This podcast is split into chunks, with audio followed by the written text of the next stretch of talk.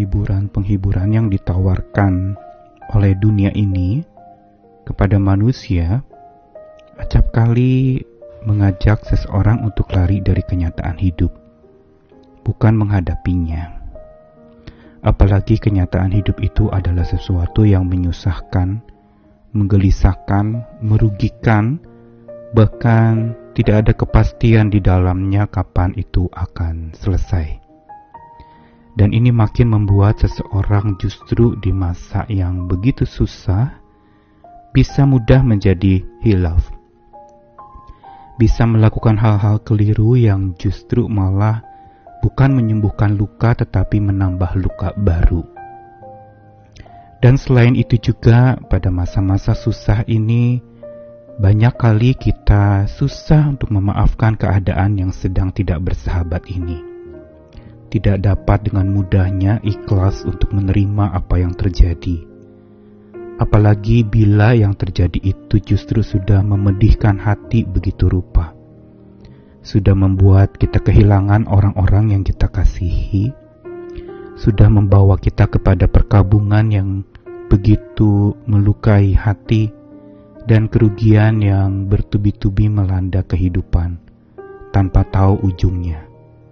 Masa depan tampak begitu suram di tengah-tengah masa susah yang sedang mengancam dan mencengkeram hidup banyak orang hari ini. Dan untuk itulah butuh penghiburan yang beda dengan apa yang dunia berikan. Penghiburan yang bukan mengajak kita untuk lari dari kenyataan, tapi justru dengan insyaf dan sadar kita menghadapinya. Karena itu kita perlu dihiburkan dengan cara diinsyafkan oleh Tuhan.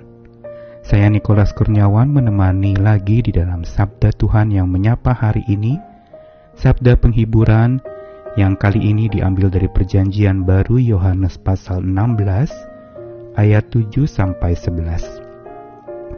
Namun benar yang kukatakan ini kepadamu adalah lebih berguna bagi kamu jika aku pergi.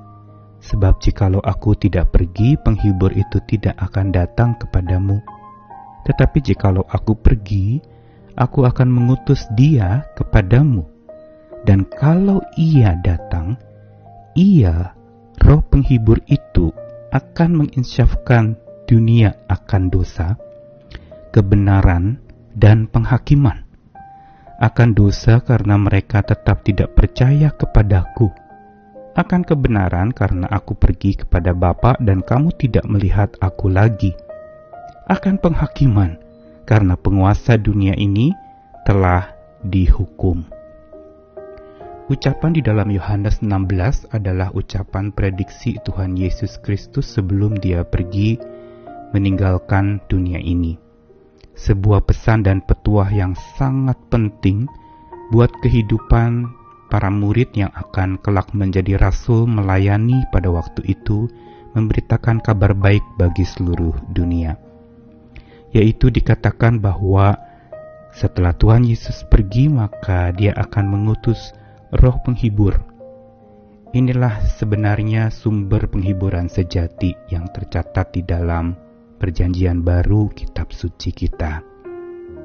Apa yang dikatakan oleh Tuhan Yesus ini memberitahukan kepada kita tentang penghiburan yang Tuhan berikan lewat Roh Kudus itu, yaitu penghiburan yang justru menyadarkan seseorang, bukan membuat seseorang melupakan keadaan susah yang sedang dihadapinya.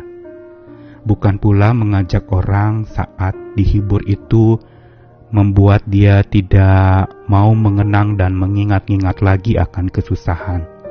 Tetapi justru roh penghibur itu menginsyafkan, menyadarkan sesadar-sadarnya akan kondisi kebenaran yang sesungguhnya sedang terjadi. Bukan menolaknya, tetapi insyaf menyadarinya. Inilah cara Tuhan menghibur kita, yaitu menginsyafkan hati, menyadarkan kita akan kebenaran.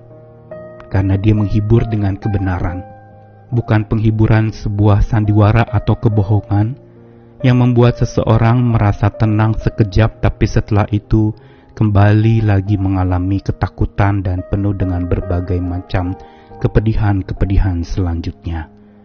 Tapi roh ke kebenaran itu menginsyafkan hati. Dan bukan itu saja menginsyafkan manusia akan dosa, menginsyafkan manusia akan kebenaran, akan penghakiman, akan tindakan ketegasan Tuhan atas dunia yang sedang penuh dengan dosa dan pelanggaran ini. Namun selain menginsyafkan, roh penghibur itu juga mampu membuat kita memaafkan yaitu memaafkan keadaan yang sedang tidak bersahabat ini juga.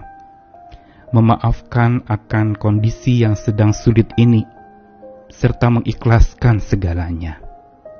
Ini karya penghiburan yang sesungguhnya mujarab yang Tuhan sediakan buat setiap kita, orang percaya.